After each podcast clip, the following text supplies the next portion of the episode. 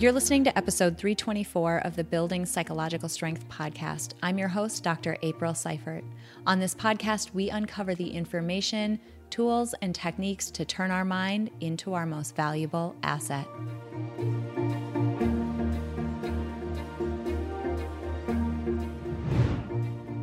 Welcome back to the Building Psychological Strength podcast. On this podcast, we explore the very nature of our minds, how they work, and how they shape our life experience. We believe that life is finite and precious. We know that our minds provide a powerful lens through which we experience the world, and we choose to take responsibility for building psychological strength to craft a life experience that is worth living. I'm Dr. April, a social cognitive psychologist and a life design strategist, and I'm so glad you're here. Friends, today's topic is one that really hits home for me. You know, a lot of guests reach out and want to be on the podcast. And every once in a while, I scream yes into the void because I'm so excited personally to learn from them. And that is the case with this week's guest. This week, we are speaking with Dr. Michelle Deering, who is an expert in the psychology behind the mother daughter relationship.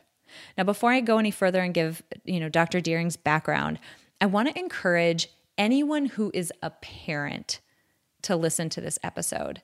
Yes, there are a few points in this episode that are very specific to the mother daughter relationship. We talk a bit about the way that our societal pressures and the unique situation of women inside that society impacts our relationships with our daughters. So, yes, that part is unique to mothers and daughters. However, there are elements of emotional intelligence that are applicable to every single parenting situation. There are also elements of making sure that you are supported and are doing okay that are applicable to every single person in a parenting situation. So, no matter what, especially if you are a parent, I would encourage you to hang out for this episode because it is so good. A little background on Dr. Deering. She believes that every mother and daughter should have a thriving, loving relationship. And her refreshing approach has made her a sought after speaker, online educator, and consultant. Before running her consulting business, Dr. Deering served as a licensed psychologist and a board certified sports psychologist at a Big Ten university, Fortune 500 corporate trainer, and a higher education professional. Nowadays, you'll find her speaking at conferences, training for her next Reebok Spartan sprint race, and practicing rudiments on her drum kit, all while coaching, serving clients, and recording her hit podcast, Mother Daughter Connections. Dr. Deering is a graduate of Brown University. She's the founder and CEO of Curative Con- uh, Connections, a consulting company offering mother daughter relationship, personal training, and motivational and keynote speaking. She's a best selling author of the book What Mothers Never Tell Their Daughters, and she is a licensed psychologist and board certified sports psychologist. She's contributed to Parent Week, uh, Parent Magazine. She's a contributing writer for therapy brands and has been featured on a ton of podcasts, a ton of radio shows. I mean, you name it. She is quite the sought after expert. So if you are someone who is looking to deepen your connection and your relationship with your kids, this is definitely the episode for you.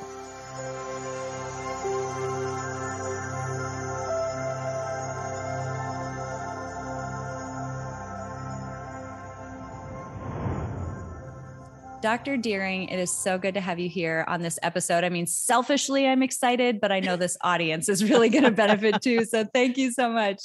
I'm so stoked to be here. Thank you for having me you know when occasionally when a guest reaches out and or their team reaches out or someone and they say hey i i think i could make a great contribution to your show i saw your background and i was like yes because your background is all in the relationships that mothers have with their daughters and mm-hmm. that obviously is something that i'm very cognizant of given my own personal situation with two daughters but i know this audience is there's a lot of women in this audience there's a lot of parents in this audience and so the things that you'll be sharing will be so helpful for this audience Yeah, I am all about mom and daughters. I just a little bit about me uh, in terms of the personal stuff. I've been married for 29 years to my BFF hubby, and we have twin daughters who are handling the uh, they don't hashtag adult they're doing the adulting thing right now uh, as juniors in college so uh, we're very uh, happy about that um,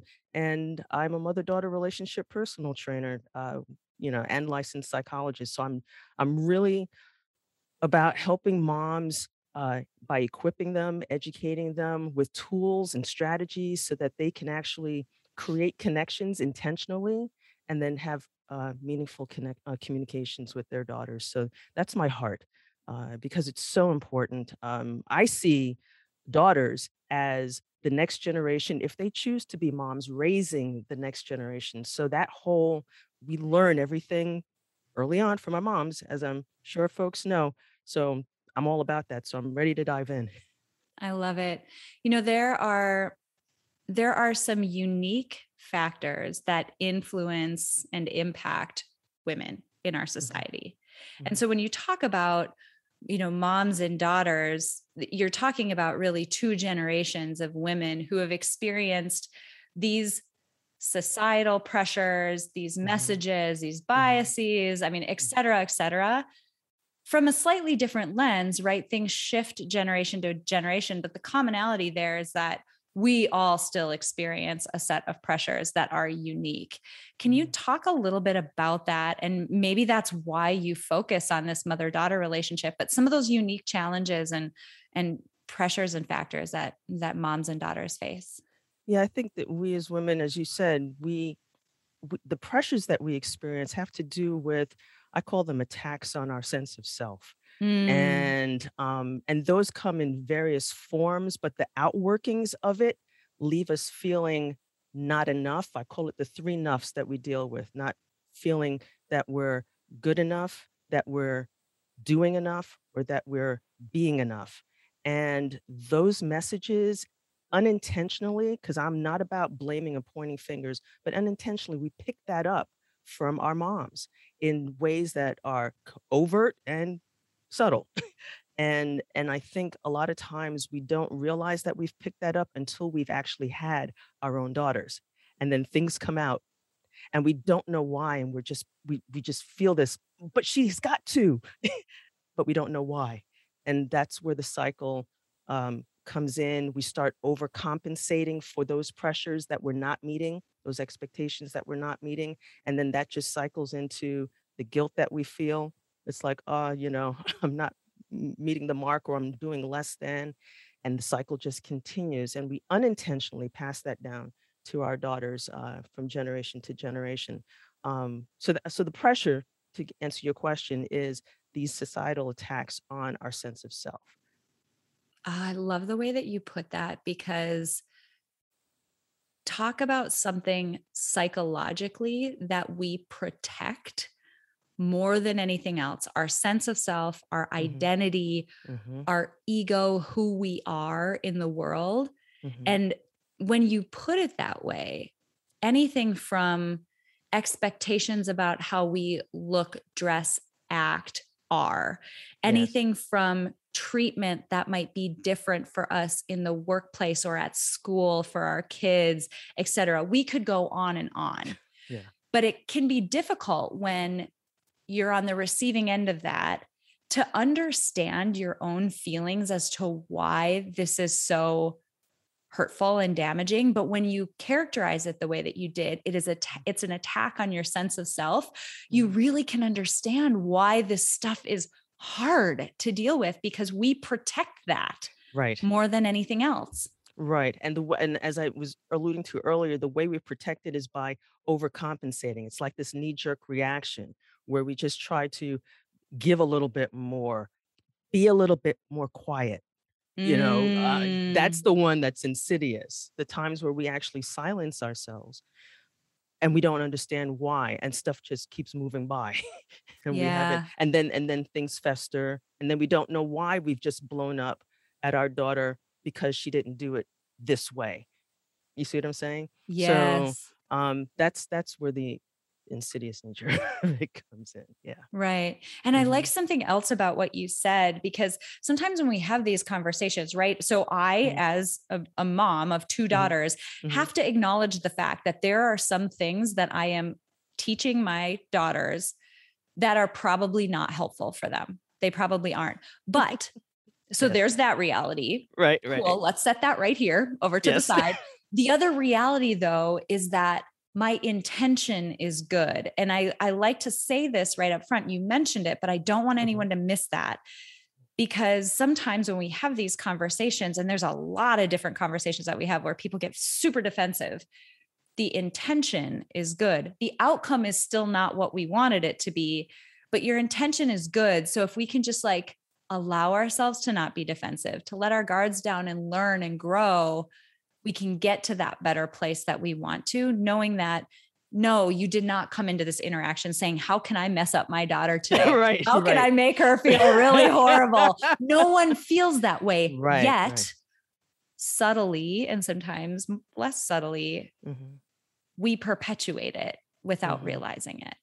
Yeah. And, and and one of the things is I'm not about um, as I said, not about pointing fingers or laying blame. It's about gaining an understanding. And anyone who hangs around me long enough will hear me say this ad nauseum. It is important for us as moms to learn how to pause, mm. to consider our behavior. And that is just a, a muscle that we need to in kind of incorporate. Because I was thinking about it today. It's like what what keeps us from pausing?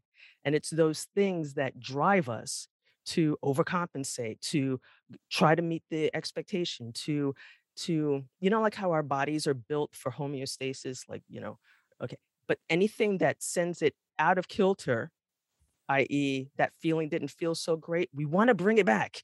Yeah. it's just an automatic and so just understanding that our body reacts that way and if we can just it, attend to it more because um, there's a physical connection with our emotions too. So you know, it's it's like you know, if our body is feeling tense, well, that tension's coming from someplace. It's a feeling we feel physically, but we as moms tend to ignore it. And we just push past it and go on doing, doing, doing, giving, giving, giving. So that's why I'm all about folks just learning how to pause. And that's the thing that I work with my clients on is learning how to pause to consider their behavior and then develop that lens that's going to help them in their particular relationship with their daughter. Oh man, I like you so much. I love that you went to the emotion and the physical mm-hmm. manifestation mm-hmm. of it. I want to, mm-hmm. I want to, I definitely want to get there. I want to talk a little bit about this pause though, because yes. what it sounds like you're alluding to, tell me if I'm right and okay. let's dig in here. Okay. We experience this right negative emotion or this yuck feeling. We'll just yes. put a big umbrella over I love that this, word. I love that word. feeling. we experience that. And it seems like our knee jerk reaction is, look, let's get rid of that before we consider it or learn anything from it. Is what I'm hearing from you correct? That is exactly correct. That is exactly what I'm saying. And instead, we should pause and we should pause and reflect because it's in the mm-hmm. reflection that we can actually make the kind of connection that we're really desiring on the inside to have with our daughters. But if we miss that pause, we won't be able to reflect on what's just gone on inside us that has worked its way out in our behavior and that has now impacted the one that we love, our daughter. Here's why I love this so much. Okay, so every once in a while on this podcast, we'll hit on there's like maybe five plus or minus two ish main things that I wish people understood on a like foundational level. Like at their core, I wish they understood them and could apply them in a million different ways in their life. And we're hitting on one right now. Mm. And that is our negative emotions, especially the strong ones mm. anger, disgust, sad, intense sadness or grief, loss, all of those, uh, envy, those types of emotions that fall under the yuck umbrella that we tend yes. to want to get rid of because we don't like them. right. They are some of the best teachers because you can't feel that way mm-hmm. over something that you are ambivalent about, over something you don't care about. And we've had a number of conversations in so many different areas on this podcast, mm-hmm. not just relationships, I mean, across the board, where it gets into, I think it was some of Steve Hayes' work in acceptance and commitment therapy, he talks about how these negative emotions, if you can like flip the sheet of paper over, you can mm-hmm. see what's important to you and yes. you can see what's at the core of them, but you don't get there without exactly what you're saying the pause and the mm-hmm. contemplation and the reflection yes. on them. Yes. And here's yes. like yet another way this foundational thing that I wish we could just understand comes right. into play in a relationship that's so important to us. Yeah, and actually that's one of the I don't know if you've seen the cover of my book What Mothers Never Tell Their Daughters, but there's a mirror there. Mm. And that's the whole point of having that mirror there is that my book takes folks during the second part of the book through a process of actually pausing to reflect because mm. i think that that's so important and i know you know and it's not something anything that i'm talking about or it's not something that i do i don't do it perfectly but that's what i've been working on for the last 20 years mm-hmm. um and especially after having our daughters uh is that process of reflecting even more so yeah. You mentioned something else that was really important too this notion of we feel our emotions in our body yet so many times i'm gonna i'm gonna almost draw a line at our neck right mm-hmm. we feel our emotions in our body but that's not where our focus goes it goes immediately to the to-do list the task list the how to the stuff that we we don't we go immediately and this is coming from a cognitive psychologist i, I like I know, cognition I a lot but we go immediately cognitive we don't mm-hmm. sink into our body and feel mm-hmm. that and i mm-hmm. love that you brought that up because that distinction i see that for a lot of i want women for sure but people of high responsibility who have a lot to mm-hmm. manage mm-hmm. they go immediately to their head and how do i get it done not how am i feeling what's important what's there to learn here right you know and in in my my development as a psychologist, I I I never I appreciated the cognitive behavioral take of mm-hmm. things, but I never understood the body connection until I started getting trained and working with women who had experienced trauma. Yeah. You know, I myself being an abuse survivor and things of that mm. nature, I call mm. myself a thriver, um, where, you know, that once that got put into the equation, I just would see people get freed up.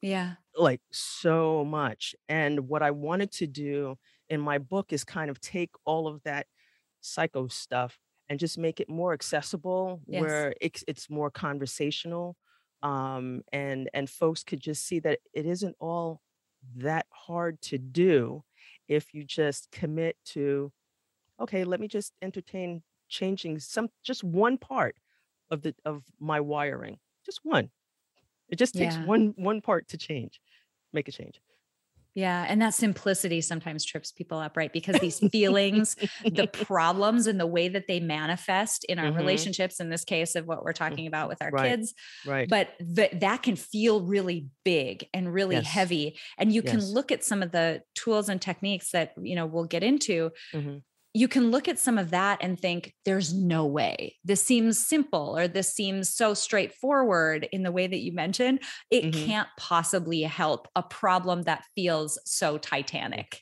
Yeah. Yeah. That's why I love what I do. is That's just amazing. to come alongside moms and help them with that.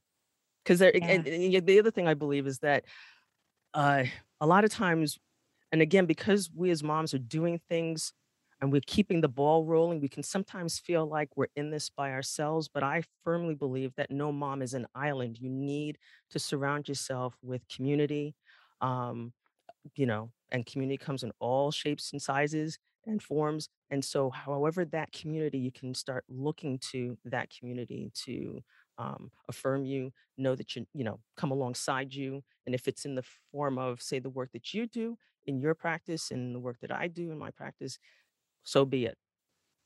I love it. Yeah.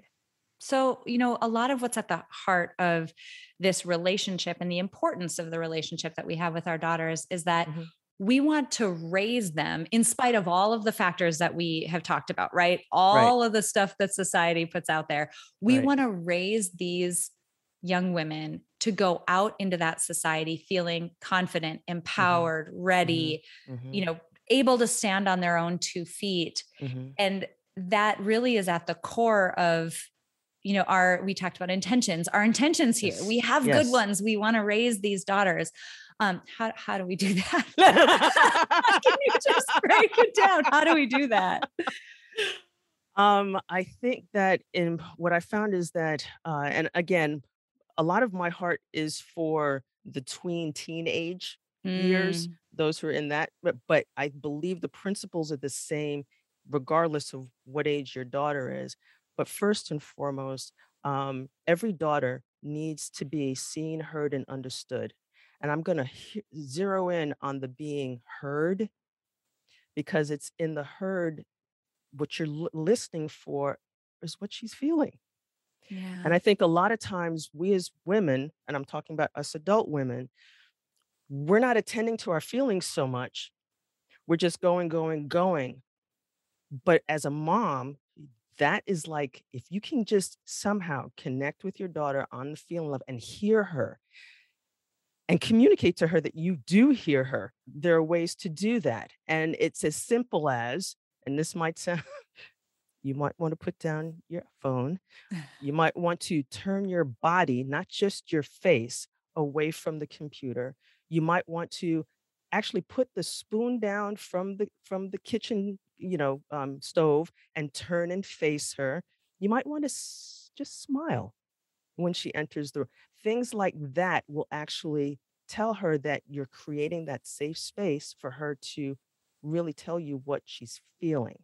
I can't begin to tell you time and time again how there are moms when I tell them this in my consultations with them, they'll try and they'll go, "Oh my God, she said more than in in those two minutes than she said the whole week." week in terms of what she was feeling. Just that one change of connecting and hearing her. And then the other thing, um, eh, okay, say it's difficult to do that in the beginning.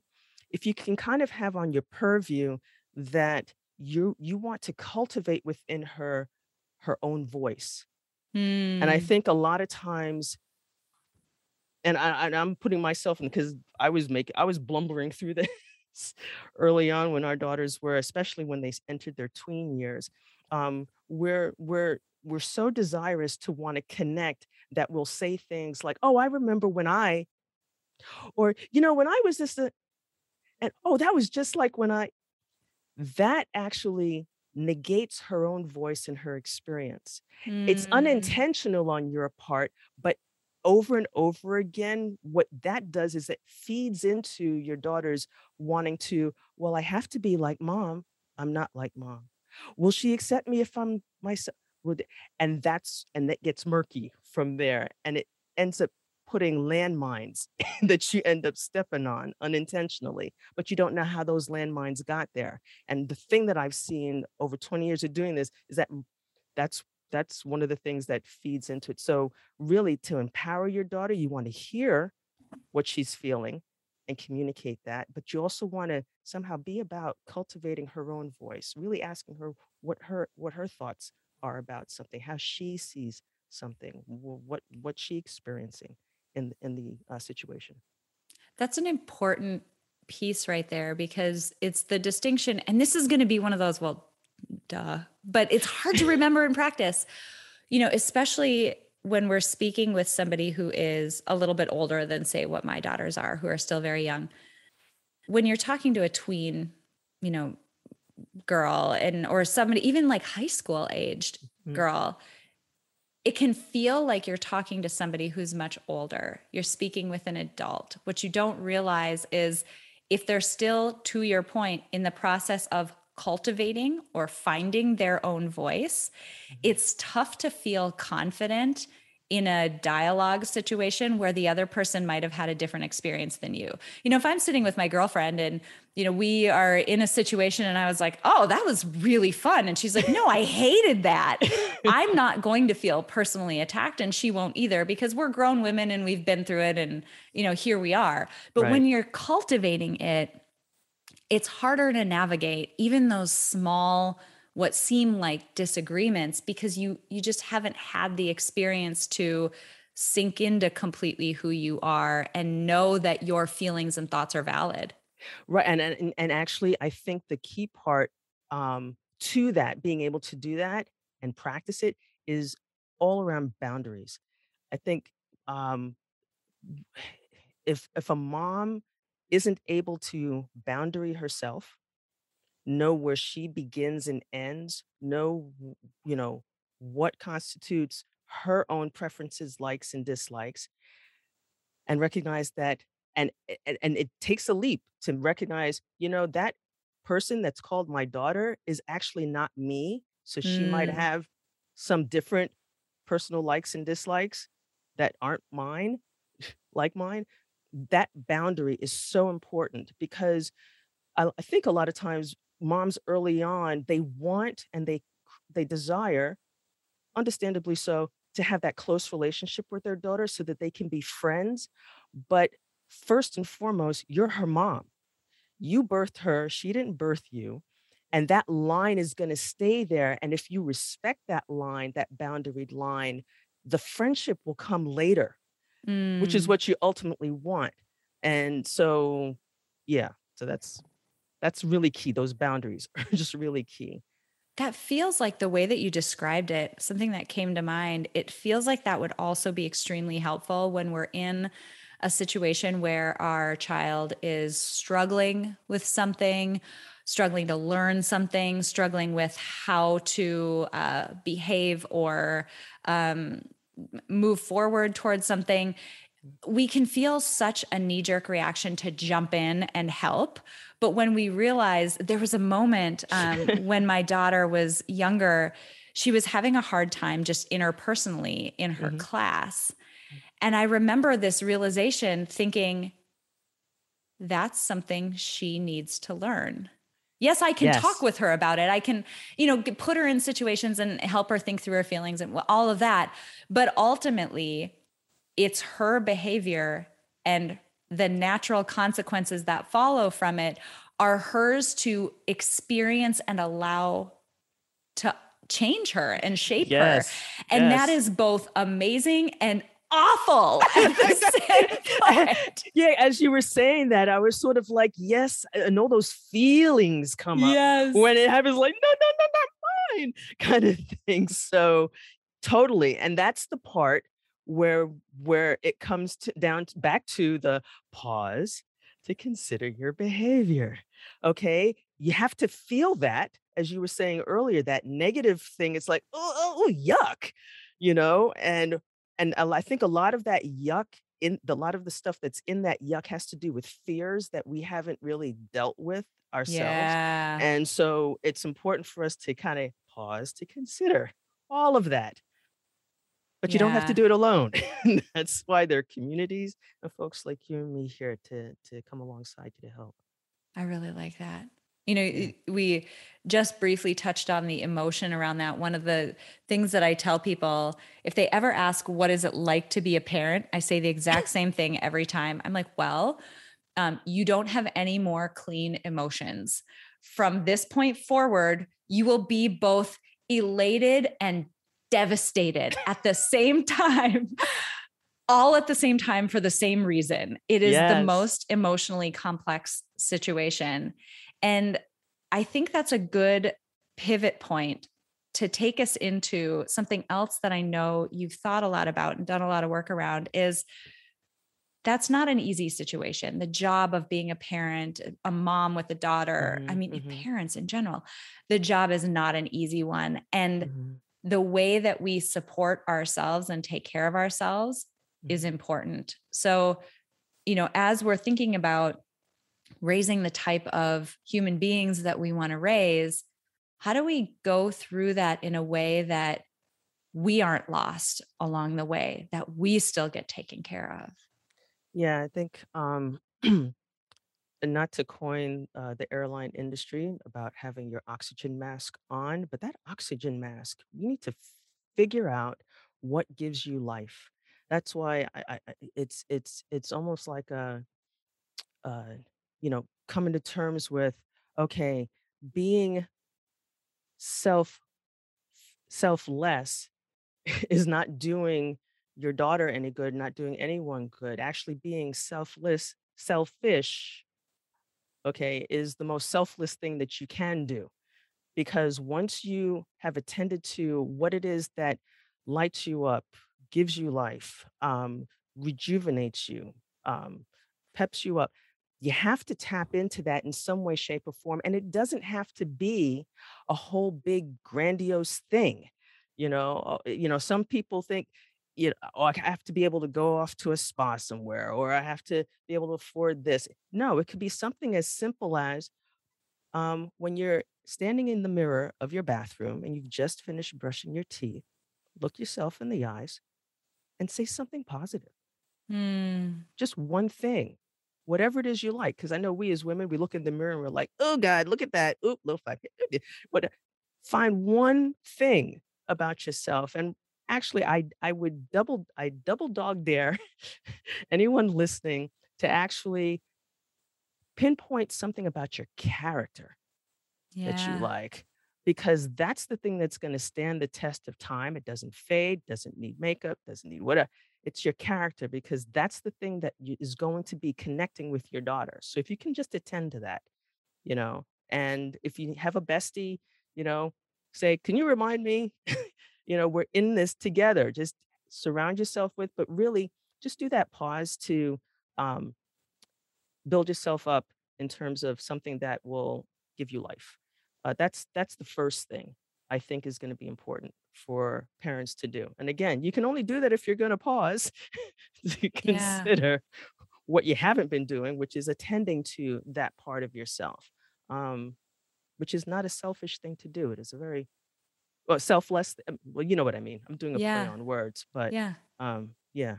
Have you seen uh, Scott Barry Kaufman, his work on healthy selfishness and pathological altruism?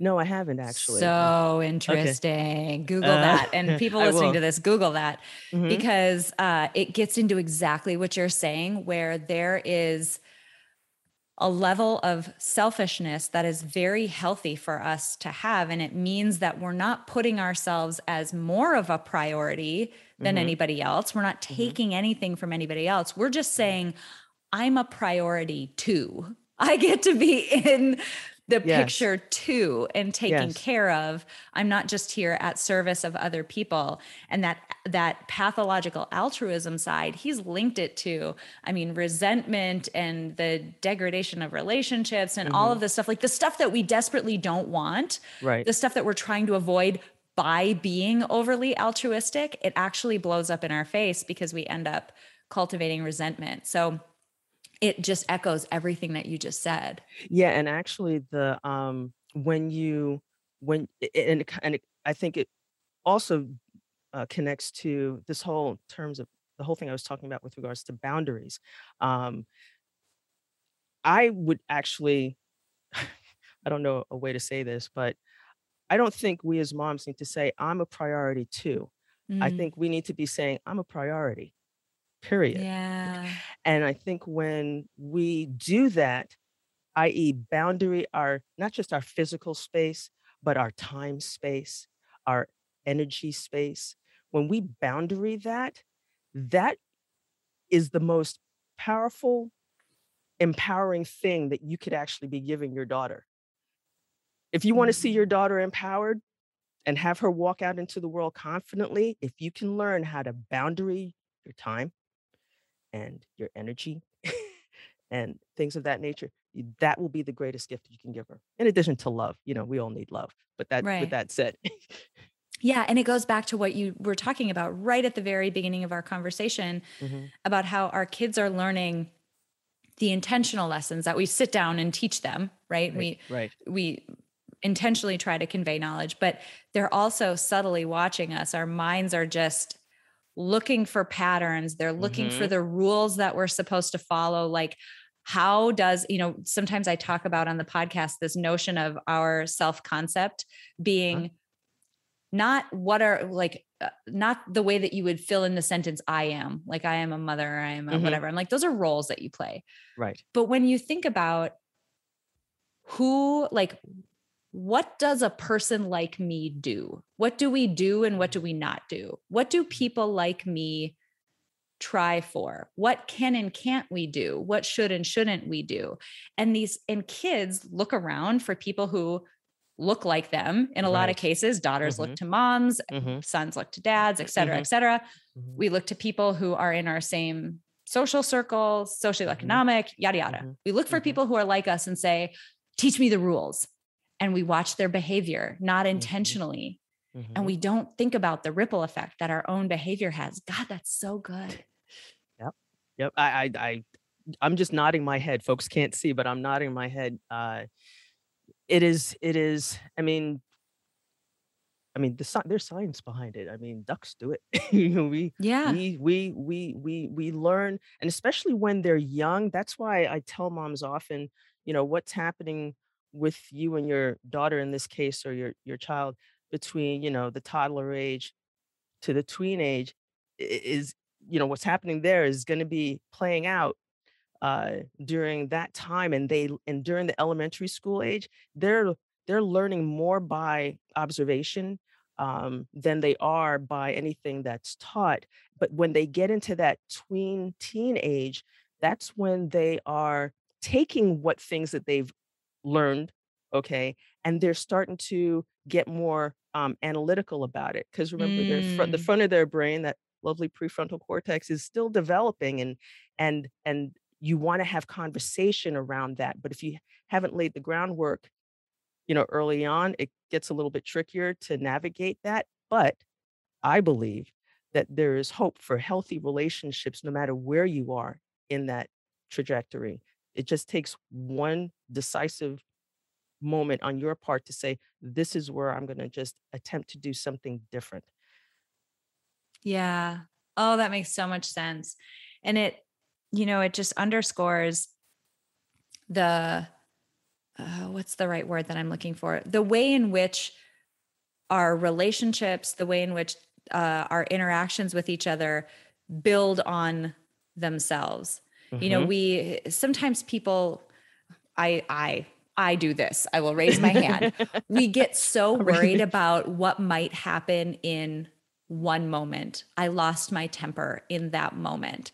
We Mhm. don't realize that what ultimately impacts that child is all the moments, like the right. stacking of the moments right on top of each other. And I think, you know, the way that you said it, it just it gave me some peace that this is a process, this is an ongoing series of interactions that build Yes. on each other, not just one moment where I had a weak point and it was a terrible day. Right, right, right. Because we all have them. We're human. And we as moms, the only perfect thing that we do is that we love our kids and our daughters imperfectly. That's it. Mm, So if we can just embrace that and recognize that in that process, there will come a point in time where maybe an apology might be necessary. And so that it's not um, things like that where we quote unquote miss the mark according to whatever mark it is that's out there that we have ascribed to. Um, but when we miss that, that's an actual opportunity to connect with your daughter or son in a different way and actually model for them how it is you repair relationships or repair moments and things of that nature because um uh, I don't know if folks can see my hand, but this this whole notion of friction, oh, friction's a bad thing. Actually, we need friction scientifically, and I'm if you if you can just kind of imagine with me, not if you're driving, but if you imagine with me, you take your two hands, you put them together, you rub them, okay, and you hear that friction. Well, if you get down on a, on a really micro micro level here, there is if you had smooth surfaces, nothing would stick. mhm, So you'd have no connection Right. with the you know the people around you. But there's got to be some separation and difference for there to actually have grooves in which to fit inside each other. So I, I- I'm a biology major, so I sometimes get under the microscope a little bit where you know the whole notion of of of oh everything's got to be smooth all the time. No, no, no. you need some of that difference to actually have a connection. So see those moments where you where you quote unquote miss it because we all miss it. I miss it. We all miss it. See that as an opportunity, not a bad thing. It's an opportunity to connect differently and model for your daughter and or son how to repair relationships. I'm going to get meta for a second here. Sure. Because what it feels like too is I, I love that, right? Like how to apologize, how to come back and and say that what you did wasn't the way you wanted it to go and why like why mm-hmm. you know that mm-hmm. um what you wanted to happen instead or you know how you want to behave in the future mm-hmm. something else that i think we've talked about a bit but not in this way that we can give our kids is the recognition of that pause you've been talking about how they can do that for themselves mm-hmm. and it takes a little bit of an older kid uh, I mean, I could try it with my youngest child. She's three. It would be a little rugged with her these days. She's a, she's a dump truck.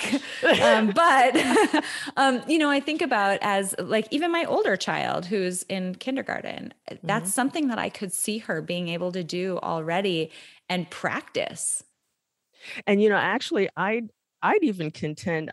I think that you can do it with younger kids too um, it's it's not going to look the same, mm. but there are ways mm. to actually break it down, you know. And and actually, when you, uh, I won't say do it to your kid, because first you have to pause, yeah, in order to then engage in some kind of pausing moment with your young, you know, infant, toddler, three year old. There are ways to do that, but you you first have to pause um, so I think it's possible. I love and I know it. that, and I know that, and and there are different ways to do it. You know, like I'm thinking about when our daughters were again. I had I have twin daughters. Okay, um, and when they were young, you know, one was walking at the at the age of seven months, and the other one had. Oh, let's all just take no, a breath. I know she was like, "I'm going," and the other one, her sister, who came out first, you know, was sort of like, "I just like lying and rolling around here." So, but the pauses during those moments, I had to find a way to how can I now engage both of them or one of them uh, so that um, they would recognize, you know, I did say no, don't touch the stereo over there, and you did, and I lost it. So now, how do I pause? And I would just gather myself, and it's sort of like, you know, mommy just yelled. it could be as simple as that. Mommy just yelled, didn't mean to yell, but this is why. You know, they mm-hmm. understand more than we give them credit for. It's mm-hmm. just, it's just a matter of starting with ourselves. Pause. Yeah. Learning. And it's it's like a muscle. Yeah, and you said it earlier, you have to practice this stuff. It doesn't come automatic because remember what comes automatic for us as human beings is um, equilibrium. Now there's this. We want it back to equilibrium. We want things back to peace, happiness. You know, oh, this doesn't feel good. The yuck. We don't want the yuck. We want the unyuck. You know, so we have to just learn how to pause in that regard. I love it. If there's one thing you could tell the, you know, especially the moms who are listening to this mm-hmm. right now as they're contemplating everything that we've talked about, what's one message you want them to have? Oh, my heart is really for you to know that you are enough and that your daughter is very fortunate to have you in particular as her mom. If you can just let that just marinate for what whatever it's meeting inside of you, just please remember that. Regardless of what's going on, you are enough and there's a reason for you being that your daughter daughter's mom. Mm, I love that. And it's a really important message for us to keep in mind because we don't remember that very often. Mm-hmm. Uh, in the context of the work that you do, what does it mean to be psychologically strong? Hmm. Well, we've kind of alluded to there being a lot of stressors that we're under. And so for me, being psychologically strong is about being aware of, being able to access, and then be able, able to act on whatever those internal things that we have to meet the external demands.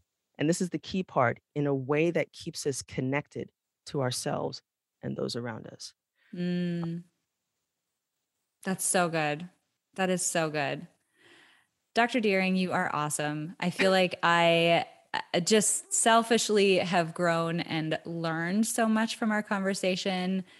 I just really appreciate you being here and sharing this with us. Thank you so much for having me.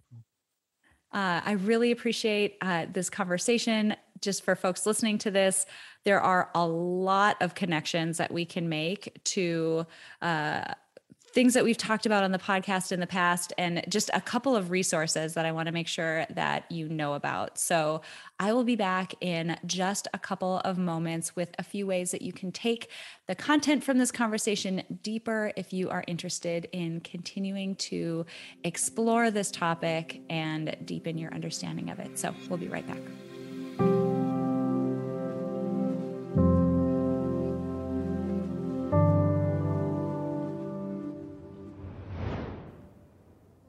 Right, friends. So, as I spoke with Dr. Deering, there were a couple of resources that I wanted to make sure you know about because it really will help you deepen your understanding of the conversation that we just had. First of all, is a very recent episode that we did. It's actually episode 321 with Doug Noll. And, you know, in this episode, we were talking about basically de escalation in our communication with other people. But there was an interesting connection here. And it's the connection point between, well, of motion, emotional intelligence. So his point when in that conversation was that with our kids, we had this, this offshoot of the conversation about how we can do this with our kids. And with our kids, he talked about the importance of recognizing their emotions, of allowing them to feel their emotions and helping them label them. And that really got me thinking about this conversation with Dr. Deering because she's really saying the same thing. How do we help our kids feel seen? How do we hold space for the emotions that might feel really big for them and help them understand and label them? So, that came up in this conversation, and I had to make a connection point back because it is such a foundational principle for us to keep in mind this notion that we can help other people understand and label their emotions, and that is such a gift. The second thing that I want to call out, and the other resource today, we had this great conversation with Dr. Deering about healthy selfishness and pathological altruism. So, this is the notion that we all think we're supposed to treat others and make sure that their needs are being met, and we do that at the detriment of ourselves. We don't take care of ourselves. There is actually a quiz that we have for free on our website where you can go in and run through a set of questions. This is a published quiz, this is a validated scale that's out there in the literature. We came and brought it to you for free. Where you can go through and see how you score on a healthy selfishness and pathological altruism quiz. So if you go to peakmindpsychology.com backslash quiz, you can access that right now. You'll get your scores immediately and you'll get a lot of helpful information about these two concepts and what you can start doing to take care of yourself a bit more. You are such an asset to your family, and it's important that, in Dr. Deering's example, you put your oxygen mask on first. But sometimes that's hard to do because of this notion of pathological altruism. So go to peakmindpsychology.com backslash quiz. It's absolutely free. You can take the quiz, get your scores right away, and learn a little bit more about healthy selfishness and pathological altruism and how you can take better care of yourself. And the last resource that I will highlight is one that is actually from Dr. Deering herself. She has a free PDF of the quick guide to lessen arguments. I've dropped a link in this episode description so that you can go get that free guide. Download it from our website absolutely free. So go to the link in this episode description and you can get access to that. If you want to learn more about Dr. Deering, you can go to curativeconnections.com. That is also linked in this episode description to make it super easy for you. Uh, so head over there, learn more about Dr. Deering's background and all of her amazing content. Dr. Deering, I want to thank you so much for such an incredible conversation. And I also want to thank each and every one of you who listened to this episode, shared it with others, left us a rating or a review on iTunes. All of those things truly help get this podcast out to other people who can use the content and the information. And finally, let's remember that time is the most non renewable resource on the planet. And I am so grateful to each and every one of you who chose to spend some of your precious time with me today. I'm Dr. April Seifert, and I will see you next week.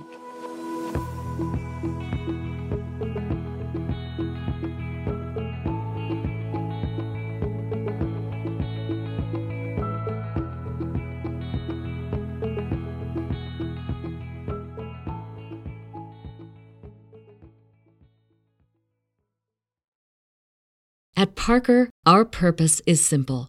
We want to make the world a better place by working more efficiently, by using more sustainable practices, by developing better technologies. We keep moving forward. With each new idea, innovation, and partnership, we're one step closer to fulfilling our purpose every single day. To find out more, visit parker.com/purpose. Parker, engineering your success. As humans, we're naturally driven by the search for better. But when it comes to hiring, the best way to search for a candidate isn't to search at all. Don't search, match with Indeed. When I was looking to hire someone, it was so slow and overwhelming. I wish I had used Indeed. If you need to hire, you need Indeed. Indeed is your matching and hiring platform with over 350 million global monthly visitors, according to Indeed data, and a matching engine that helps you find quality candidates fast. Ditch the busy work. Use Indeed for scheduling, screening, and messaging so you can connect with candidates faster. And Indeed doesn't just help you hire faster. 93% of employers agree Indeed delivers the highest quality matches compared to other job sites, according to a recent Indeed survey. And listeners of this show will get a $75 sponsored job credit to get your jobs more visibility at Indeed.com slash podcast. That's Indeed.com slash podcast. Terms and conditions apply.